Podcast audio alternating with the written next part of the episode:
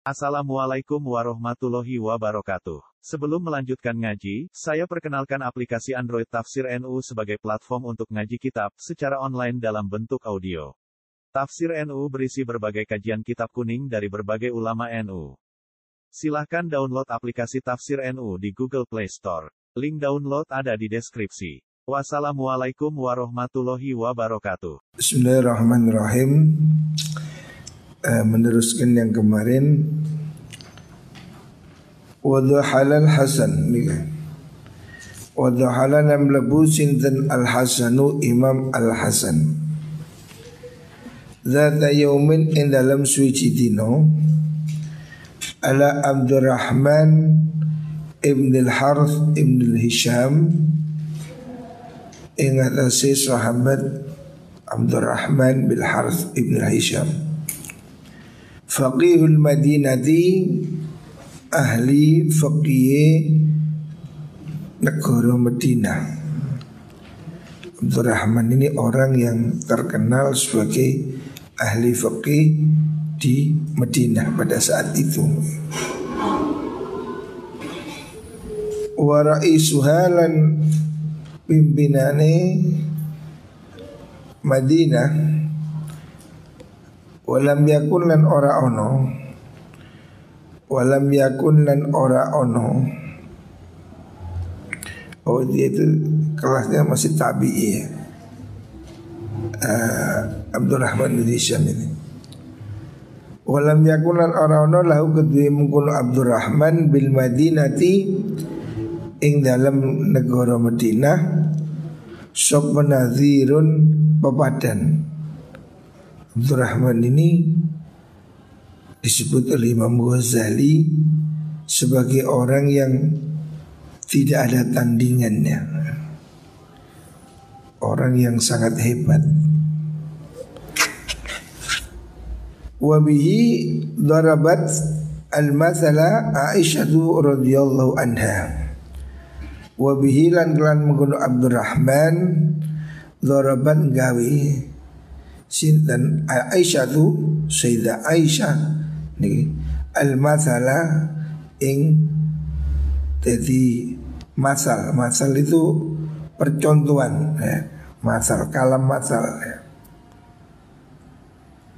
Sayyidah Aisyah itu sangat memuji ya, kepada sahabat Abdurrahman itu. Maksudnya wadarabat uh, al-masal uh, Aisyah menjadikan Abdurrahman ini sebagai uh, satu ujian, satu ucapan ungkapan uh, misal kalau masal itu merupakan satu penghargaan ya. Haitsu qalat sekiranya dawu sapa mengkono Aisyah Lau Lau asiru masiri dzalik lakana habba ilayya min ayyakuna li sittata asyaran sittata asyar zakaran min Rasulillah sallallahu alaihi wasallam. Misla Abdurrahman ibn al-Harth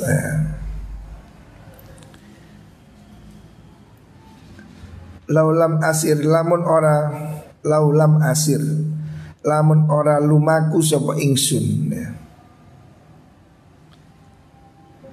Masiri ing lumaku ingsun Zalika menggunung-menggunung sair Maksudnya ilal basrah niku Seandainya aku tidak pergi Untuk ke Basrah eh, Karena ada masalah saat itu ya.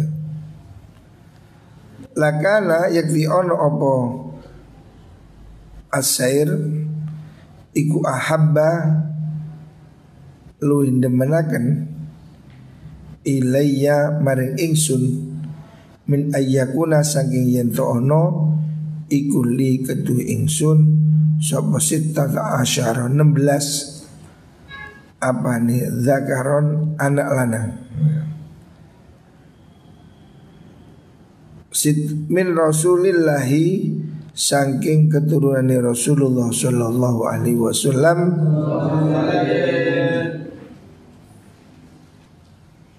Misla Abdurrahman kan madani Ab Abdurrahman ibn al-Arz ya. Maksudnya begini. Sayyidah Aisyah Itu Memuji Abdurrahman ibn al-Harz Sebagai orang yang hebat ya. Sampai Aisyah itu menjadikan dia sebagai kalam masal Kalam masal itu seperti kata mutiara atau ungkapan yang penghargaan. Seandainya dia begitu. Seandainya saya tidak diam tidak pergi ke Basrah kan ada fitnah saat itu di Basrah. Maka itu lebih baik daripada saya eh, mempunyai 16 anak. Eh, yang amda anak dari Rasulullah Shallallahu Alaihi Wasallam. Karena Aisyah ini tidak punya anak. Eh, Aisyah dengan kanjeng Nabi tidak punya putra. Tapi dibuat masal, masal itu hanya sebagai ungkapan. Itu lebih baik daripada apa? Lebih saya sukai dari 16 anak dari kanjeng Nabi yang seperti Abdurrahman bin Harth gitu.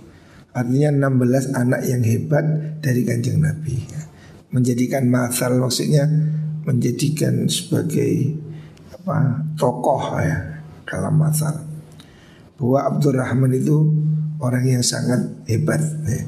orang yang sangat apa layak lah. Seandainya saya punya anak ya saya kepingin anak seperti dia.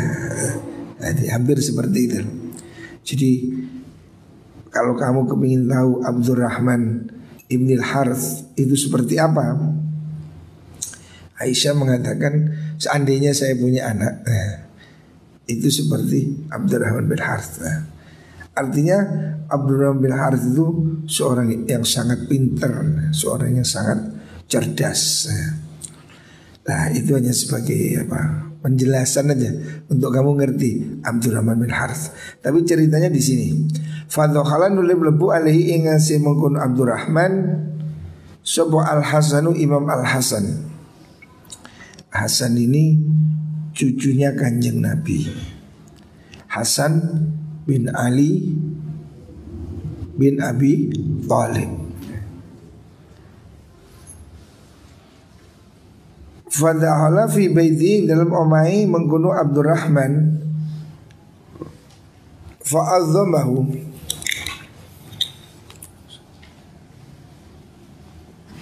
Fa'azzamahu mengkemuliakan ngaku-ngaken hu ing mengkono Al Hasan sinten Abdurrahman Imam Abdurrahman Abdurrahman Ibn Harth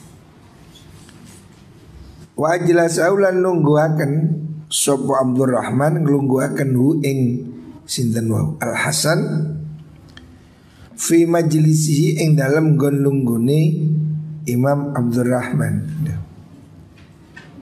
Maksudnya ini Imam Ghazali menceritakan ada satu kasus di mana Imam Hasan bin Ali bin Abi Thalib cucu Rasulullah Sallallahu Alaihi Wasallam.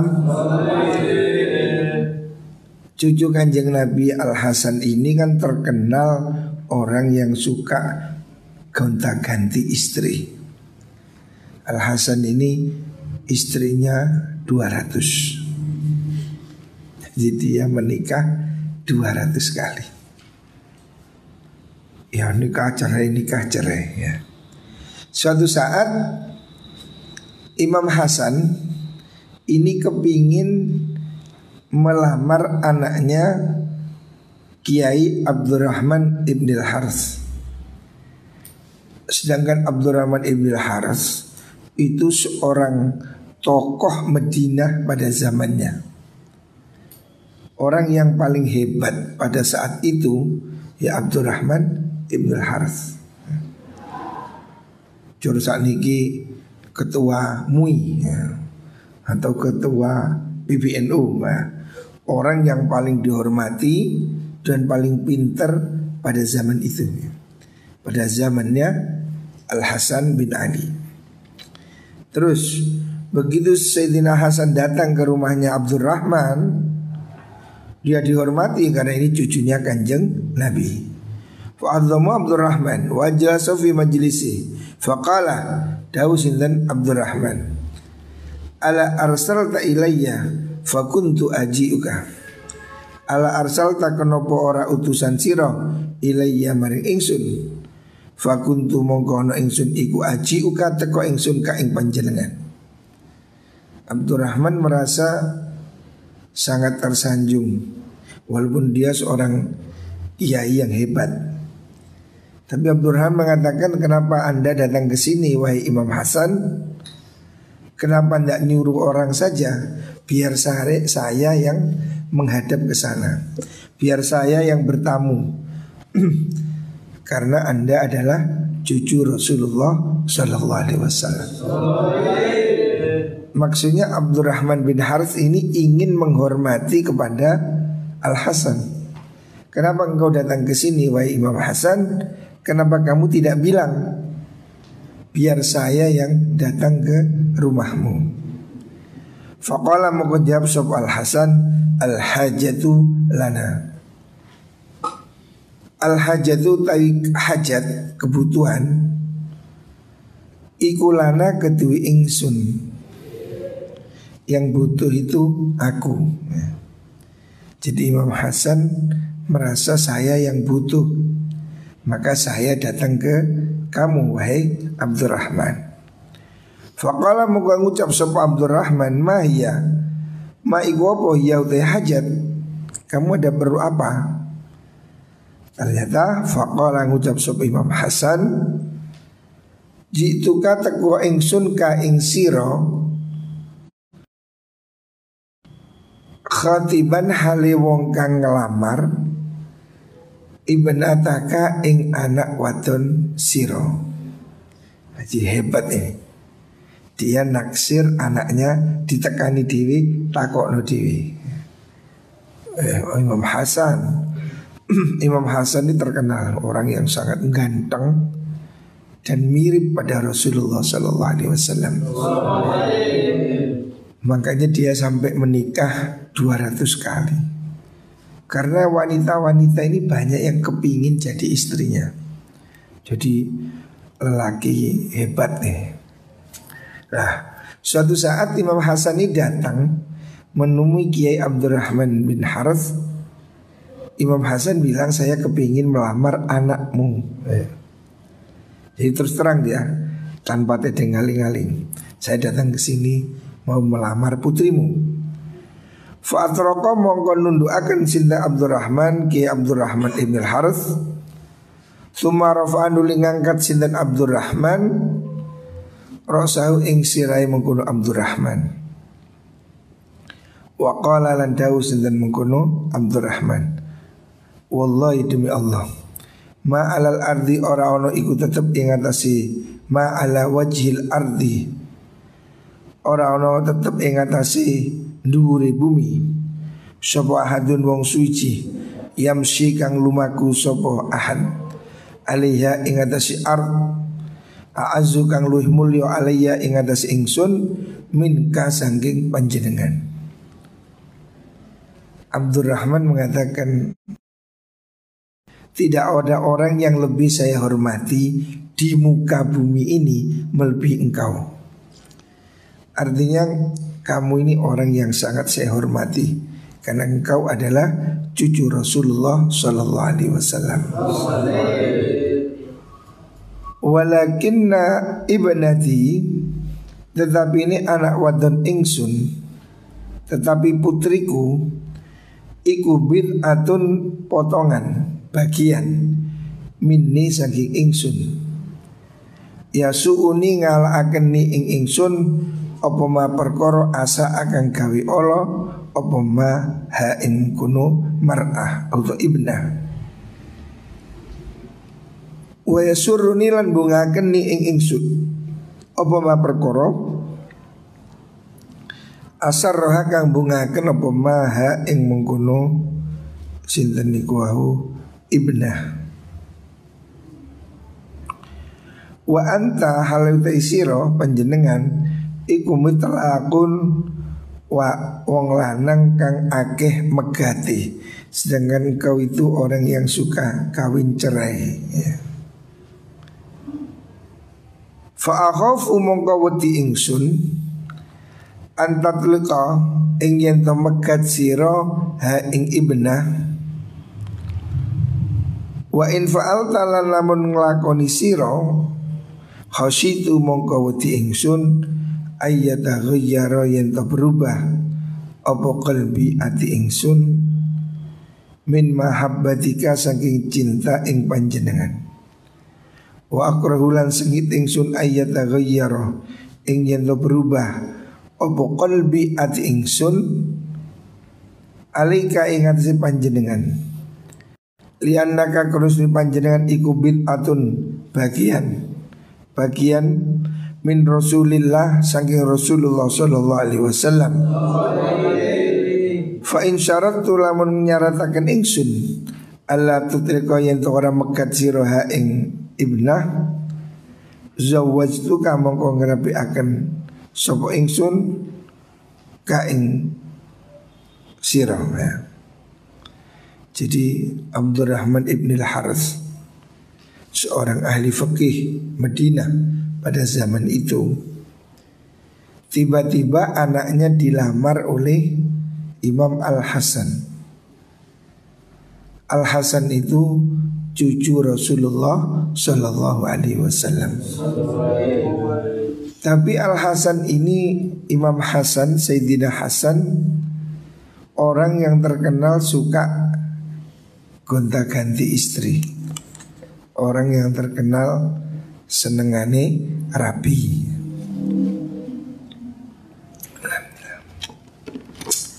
Maka Imam Abdurrahman mengatakan kepada Hasan Wahai Imam Hasan Engkau ini orang yang paling saya cintai di muka bumi Orang paling saya hormati Karena engkau cucu Rasulullah Sallallahu Alaihi Wasallam Dan engkau juga tahu bahwa anakku, putriku Ini orang yang salah saya paling sayangi ya Karena putri satu-satunya Putriku orang yang paling aku cintai juga di dunia ini kalau dia senang aku senang, kalau dia sedih aku sedih. Nah. Lah, kalau kamu mau nikahi anakku, putriku, sedangkan kau tukang kawin cerai, maka saya takut nanti kalau kamu nikahi besok kamu cerai. Ya. kan saya nanti kalau anak saya kamu cerai, dia marah, saya kan jadi ikut marah dan hati saya menjadi ada rasa tidak senang kepada engkau. Padahal kamu adalah cucu Rasulullah Sallallahu Alaihi Wasallam. Jadi sahabat dahulu itu menghormati pada cucunya kanjeng Nabi. Karena kita juga harus menghormati keturunan Rasulullah Sallallahu Alaihi Wasallam. Tetapi dia mau menolak dengan cara yang apa itu? Cara yang ilhan kalau mau, bilang nggak boleh kan gimana? Tapi kalau bilang boleh, nanti anak saya dicerai. Maka dia terus terang aja ngomong ya. Walaupun Hasan ah, Abdurrahman bin Harith itu sangat menghormati kepada Imam Hasan, tapi Abdurrahman tidak mau apa pura-pura ya ngomong aja terus terang. Wahai Imam Hasan, saya ini sangat mencintai anak saya. Kalau nanti kamu cerai saya jadi sedih Maka katanya Imam Abdurrahman Saya mau memberikan anakku kepadamu Syaratnya tidak boleh dicerai ya. Mau nggak kamu?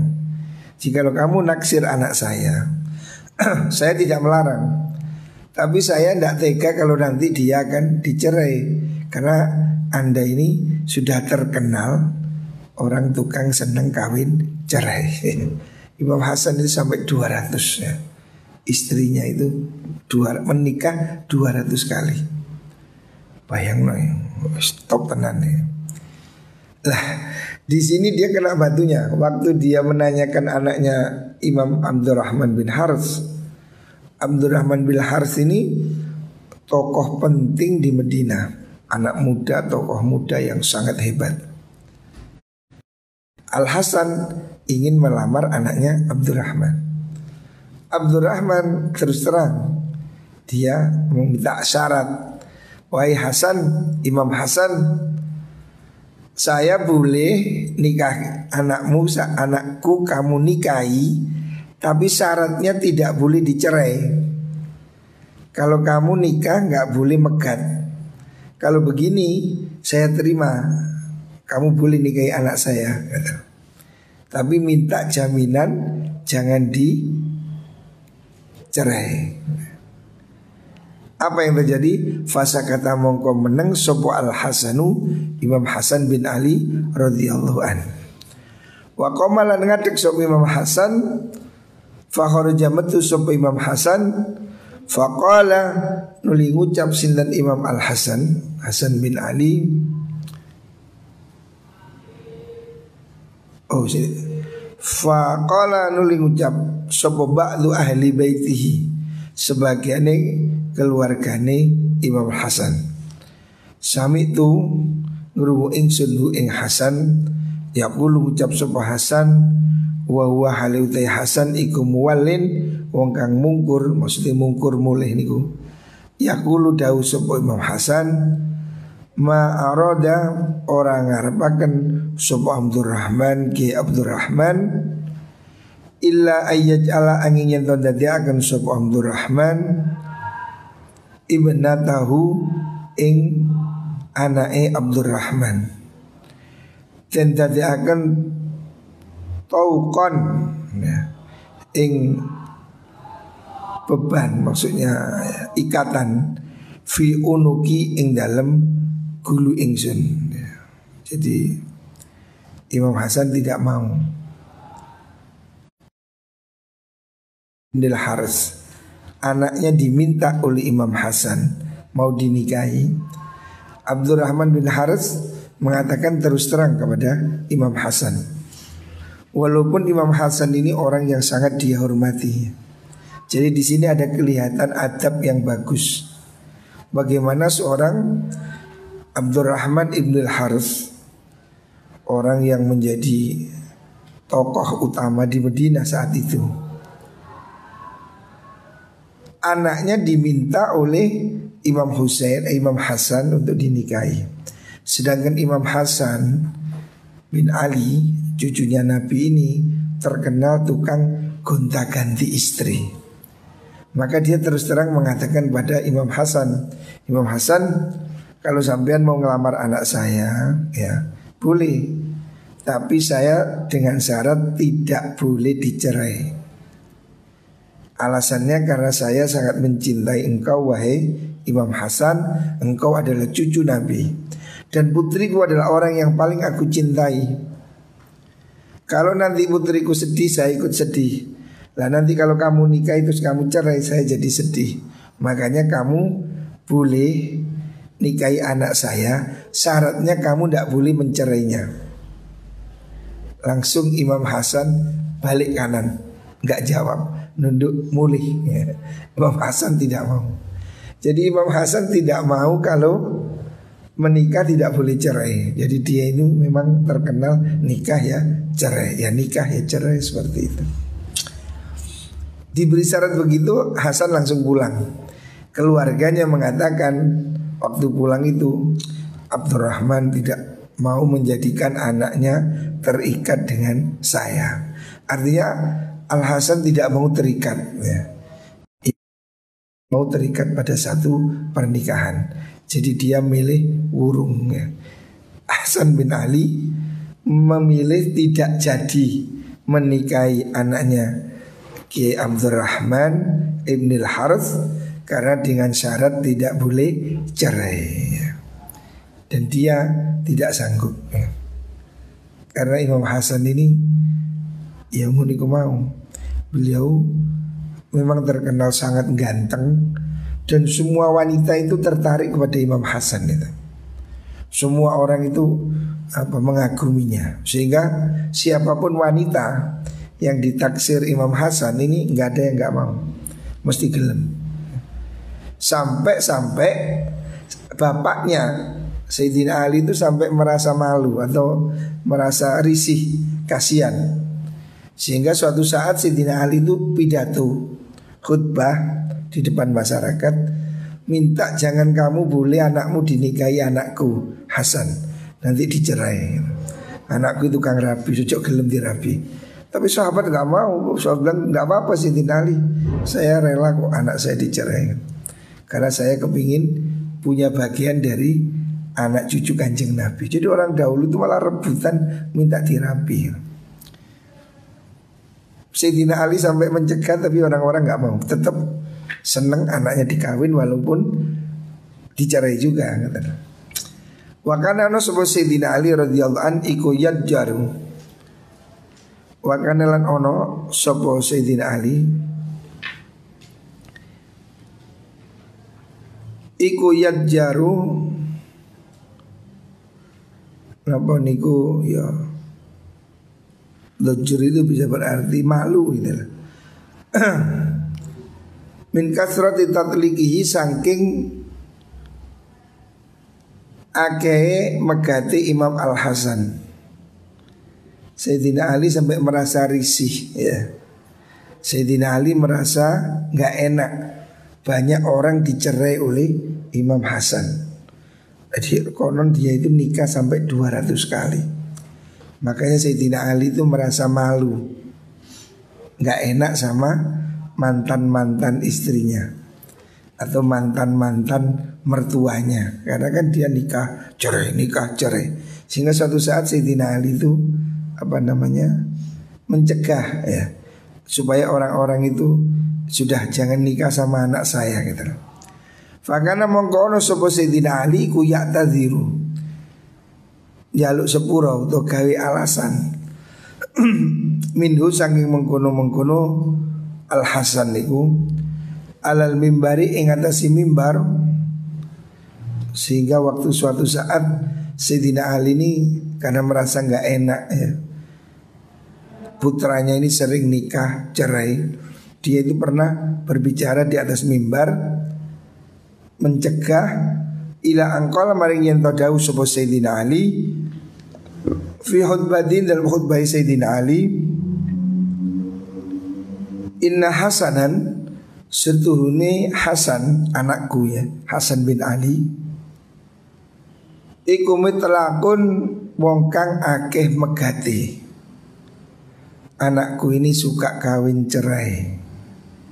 Fala tungkihu ojo ngrapekno sira kabeh hu ing Hasan. Maka siapa pun kata Imam Sayyidina Ali jangan ada yang mau putrinya diminta oleh anak saya. Jangan nikahkan anakmu dengan anakku. Jadi Sayyidina Ali merasa malu. Kan anaknya ini cerai, kawin lagi cerai, kawin lagi cerai. Sehingga Sayyidina Ali sampai pernah melarang supaya anaknya ini jangan ada yang mau di orang-orang jangan mau anaknya dilamar oleh anaknya Sayyidina Ali, oleh Hasan itu, Imam Hasan. Artinya Sayyidina Ali sampai ingin kasihan ya mengumumkan di depan khutbah, eh, depan umum. Beliau mengatakan anak saya ini suka kawin cerai, makanya jangan dinikahkan. Artinya bapak-bapak sekalian jangan mau putrimu dinikah oleh anak saya. Tapi apa yang terjadi? Fakoma mongko ngatek sapa rajulun wong lanang. Min Hamdana saking Bani Hamdan. Tapi ada satu jamaah yang berdiri dari Bani Hamdan. Fakola mongko ngucap sapa rajul wallahi demi Allah. Ya Amirul Mukminin wahai Amirul Mukminin.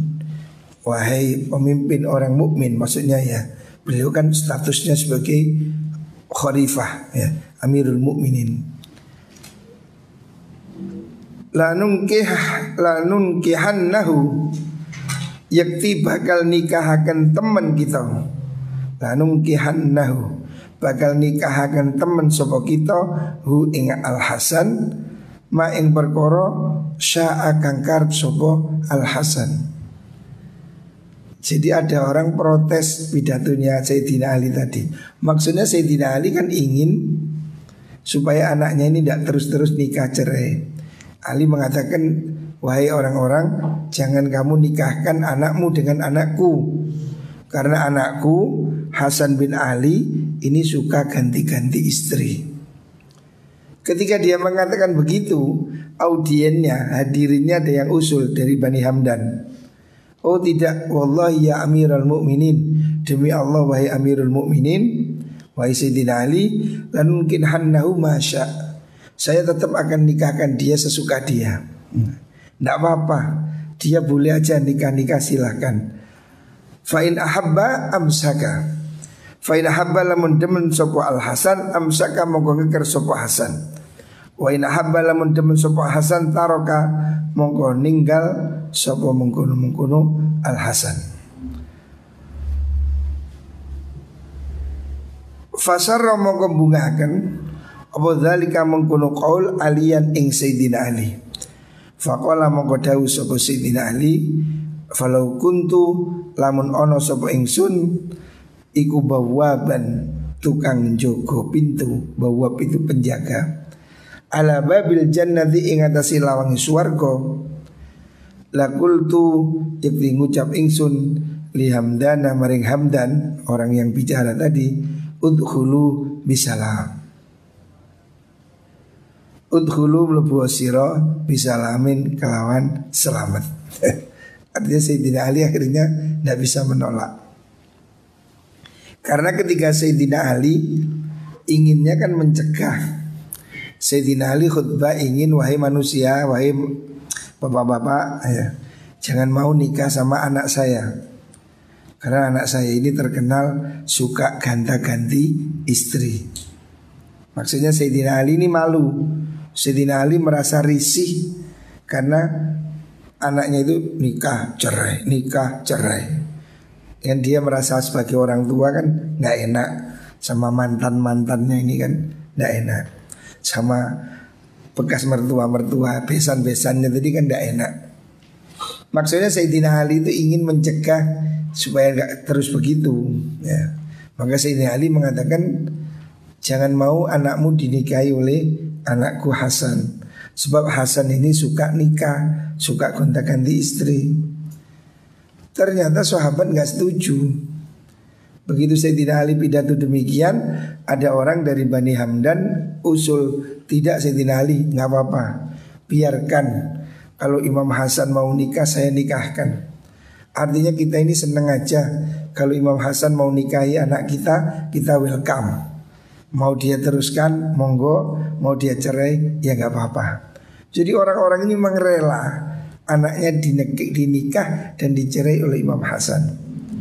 Karena mereka salah satu motifnya itu kepingin supaya anaknya, putrinya menjadi bagian dari keturunan Rasulullah Sallallahu Alaihi. Kan putrinya kan bisa punya anak, anaknya ini kan kemudian menjadi cucunya kanjeng Nabi. Ya. Jadi banyak orang yang masih bangga kepingin anaknya itu jadi cucunya kanjeng Nabi. Makanya semua orang menawarkan kalau mau silakan anak saya dinikahi. Corong saat ini ngalap barokah, ngalap barokah. Ini konon di Madura masih ada seperti ini. Kiai pengajian di kampung dinikahi, tidak apa, tiga ibu jo. Ya nyaman. Jadi orang ngalap barokah kepingin anaknya punya keturunan dari cucunya kanjeng Nabi gitu. Makanya kan banyak Habib-Habib dari Timur Tengah, dari Yaman, dari mana itu kan dakwah di Indonesia menikah di Madura. Rata-rata banyak sekali. Rata-rata begitu. Karena orang Madura ya mungkin seperti ini. Mau anaknya dijadikan istrinya Kiai Habib supaya dapat cucu keturunannya kanjeng Nabi. Nah, jadi Sayyidina Ali sampai tidak mampu membendung Maunya Sayyidina Ali janganlah anakmu jangan mau dinikahi anakku. Karena Hasan anakku ini tukang gonta ganti istri. Tapi sahabat tetap nggak apa-apa. Makanya dia diriwayatkan dia itu menikah sampai 200 kali. Sehingga dia akhirnya itu matinya diracun juga oleh istrinya. Jadi betul-betul laki-laki top ini. Lah Sayyidina Ali ketika diprotes seperti itu Kan maunya Sayyidina Ali melindungi anak-anaknya orang supaya nggak jadi janda. Jangan nikah sama anak saya Nanti dicerai. Tapi orang dari Bani Hamdan mengatakan Tidak apa-apa. Jadi dia senang Kalau Imam Hasan mau Udah nikah aja keluarga kita. Mau diteruskan Mau dicerai Tidak masalah Sayyidina Ali tertawa. Terus membuat syair ini Falau kuntu bawaban ala babi jannatin Lakultu lihamdana udkhulu bisalamin Seandainya aku jadi penunggu pintu surga Maka kata Sayyidina Ali Aku katakan kepada Muhamdan Yang anaknya minta diwayu ini Udkhulu bisalam Kamu masuk saja gitu Seandainya aku jadi penunggu pintu surga Kau tak lebok disik Jadi Apa namanya Imam Hasan ini memang Tapi itu Hari ini ya terbukti ya ada ada faedahnya juga ya. Karena Imam Hasan ini istrinya banyak, keturunannya banyak. Sehingga hari ini masih banyak uh, apa terusannya keturunan dari Rasulullah Shallallahu Alaihi Wasallam. Seandainya dia mungkin tidak nikah nikah, mungkin keturunan Nabi jadi sedikit ya. Ini sekedar mencontohkan. Maksudnya Imam Ghazali dalam kitab ini bukan berarti menyetujui orang supaya sering nikah, sering cerai ya, tidak. Ini kan konteksnya apa? Sayyidina Ali, oh Sayyidina Ali, Imam Ghazali ingin menjelaskan bahwa perceraian itu boleh. Tetapi meskipun boleh, hendaknya apa? Ada etika. Karena Imam Hasan walaupun dia kalau nikah itu cerai, nikah cerai, tapi istrinya itu tidak diterlantarkan. Beda dengan koboi-koboi hari ini rapi ceret nyengkri ceret nyengkri menelek tok mengalir. Kalau Imam Hasan walaupun dia memang terkenal suka gonta-ganti istri, tetapi Imam Hasan ini tanggung jawab ya. Kemarin pada halaman sebelumnya disebutkan Imam Hasan ini kalau cerai mencerai istri itu diberi minimal 10 ribu dirham. 10 ribu dirham ini jumlah yang tidak sedikit ya. 10 ribu dirham ini jumlah yang sangat besar ya.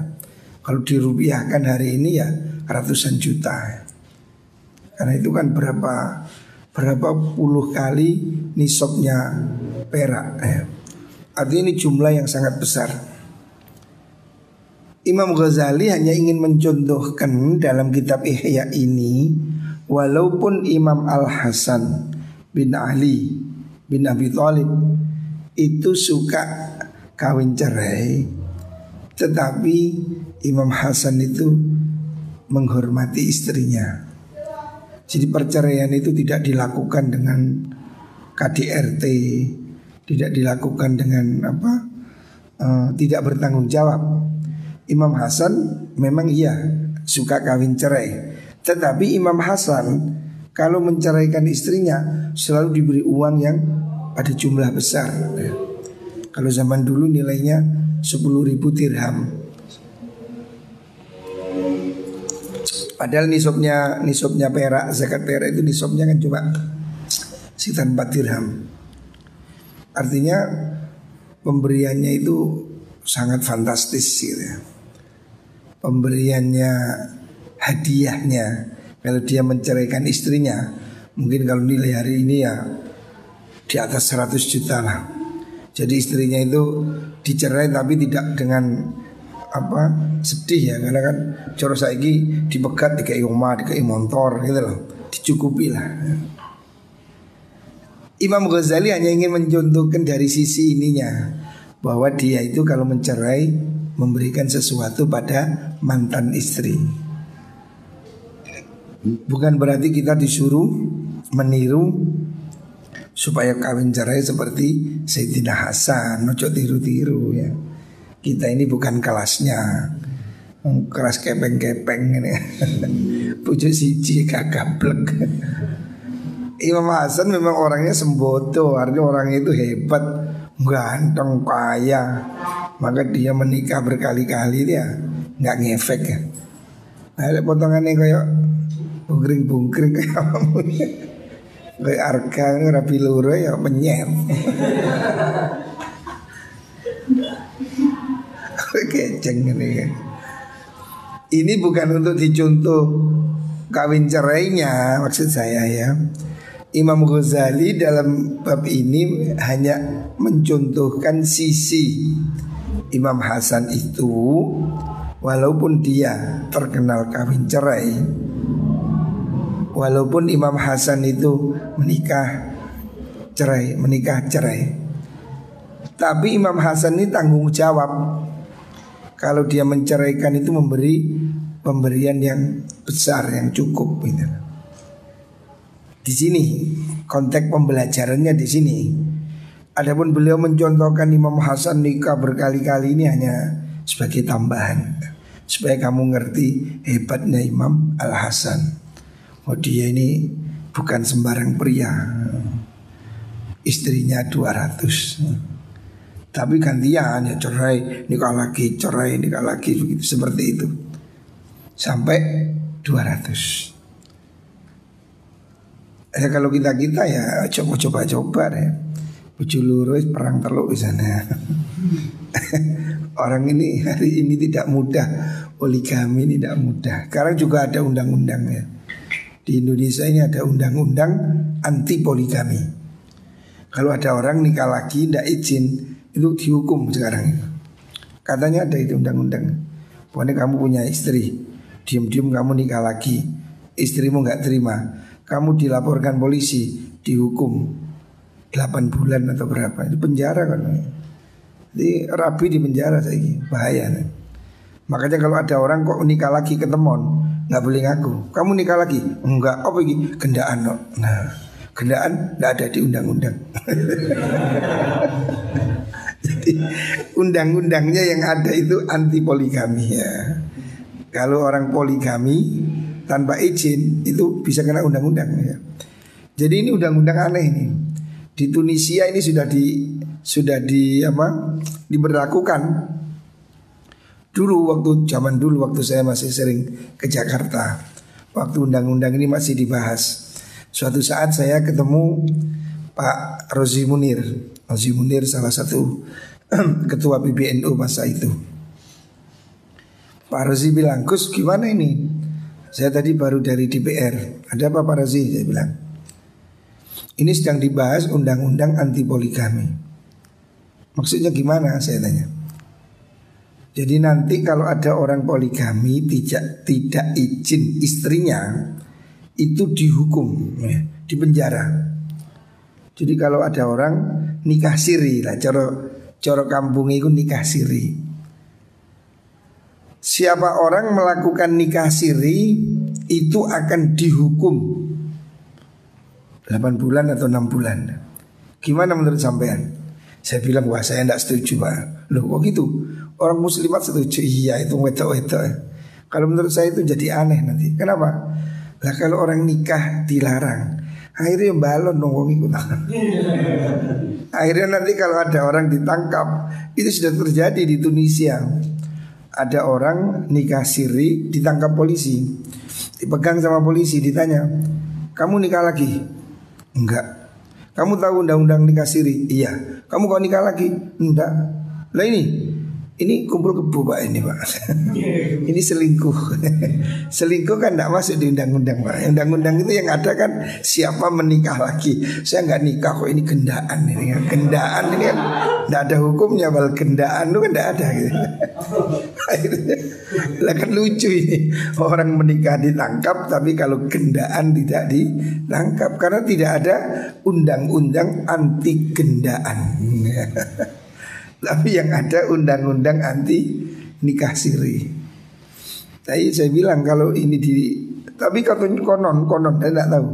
Undang-undang ini sudah ada sekarang.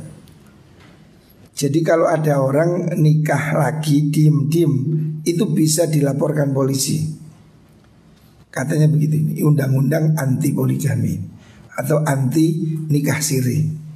Jadi kalau kamu macam-macam rabi maneh bujumu lapor polisi itu bisa ditangkap kamu. Karena ada undang-undang anti nikah siri atau apa namanya saya tidak tahu. Intinya itu sudah dilakukan ya pesanan dari barat supaya tidak ada poligami. Karena poligami itu dianggap kejahatan. Tapi al gendaan wal selingkuhan wal apa itu kumpul kebu tidak ada undang-undang. Makanya di barat itu tidak ada poligami tidak ada memang benar. Tapi selingkuh biasa. Hubungan seks di luar nikah ya sama dengan salaman. Ya saya ketemu salaman, ketemu salaman. Artinya ketemu cerut cerut cerut kamu Tidak ada undang-undang ini. Tapi kalau poligami harus harus dilarang itu. Nah kan ya aneh ini undang-undang apa sih? Mestinya kalau poligami dilarang, selingkuh juga harus dilarang. Harus ada undang-undang anti selingkuh. Ini harusnya begitu. Undang-undang anti gendaan. Jadi kon gue warek itu tangkap. Ya sekarang kan enggak, nyatanya kamu bawa cewek ke ditangkap. Paling bapak ini sih nangkep. Wah. Tapi suka sama suka perbalonan-perbalonan itu di mana-mana banyak lokalisasi apa pelacuran prostitusi selalu ada dan tarifnya mahal. Kemarin yang terakhir di Medan itu artis inisialnya H. 20 juta DP Murkani biro. Rasanya kaya apa ya Tapi itu pelacuran ini sudah online online. Ini kan sejak dulu ada tuh banyak sekali kasus kok apa pelacuran online. Tapi kalau suka sama suka kan tidak ada tidak ada hukumnya. Ya itu kalau nikah siri dihukum. Tapi kalau kumpul kebu belum ada undang-undang. Ya. Akhirnya kalau nak wong ditangkap, kamu nikah siri enggak apa kumpul kebu, enggak ada hukumis. nah, ini repot ini ya. Ya kita ini ya bukan berarti menyetujui kumpul kebu, tapi undang-undang ini harusnya direvisi. Gitu. Jadi kalau nikah siri tidak boleh, ya sudah selingkuh juga harus dilarang. Balon harus dilarang. Balon ini bayar terus kelon ya makan balon harus dilarang ini. Lah kalau nikah siri dilarang tapi perbalonan tidak dilarang ya balon PKB bahaya ini ya. Bila Makanya yang benar ya menikah itu. Nikah satu kurang tambah lagi. Gak apa-apa memang dia ekstra jos. Tapi kasih keceng-keceng kayak awakmu macam-macam. Situ aja. Untuk poligami untuk orang yang ekstra. Kalau yang standar-standar apalagi keceng-keceng kayak bangsa ini iku. Bisa macam-macam kan. Situ ikan teh. Kalau bisa satu ya satu lah. Tapi kalau kamu ekstra jos ya silahkan. Tapi aku gak ngongkon. Itu boleh menurut hukum Islam. Tapi kalau satu ya sudah cukup ya. Ya Alhamdulillah. Mungkin satu rasa empat. Nah, Daripada empat rasa satu kan gak enak. Ya semoga-moga yang penting Semua diberi jodoh yang baik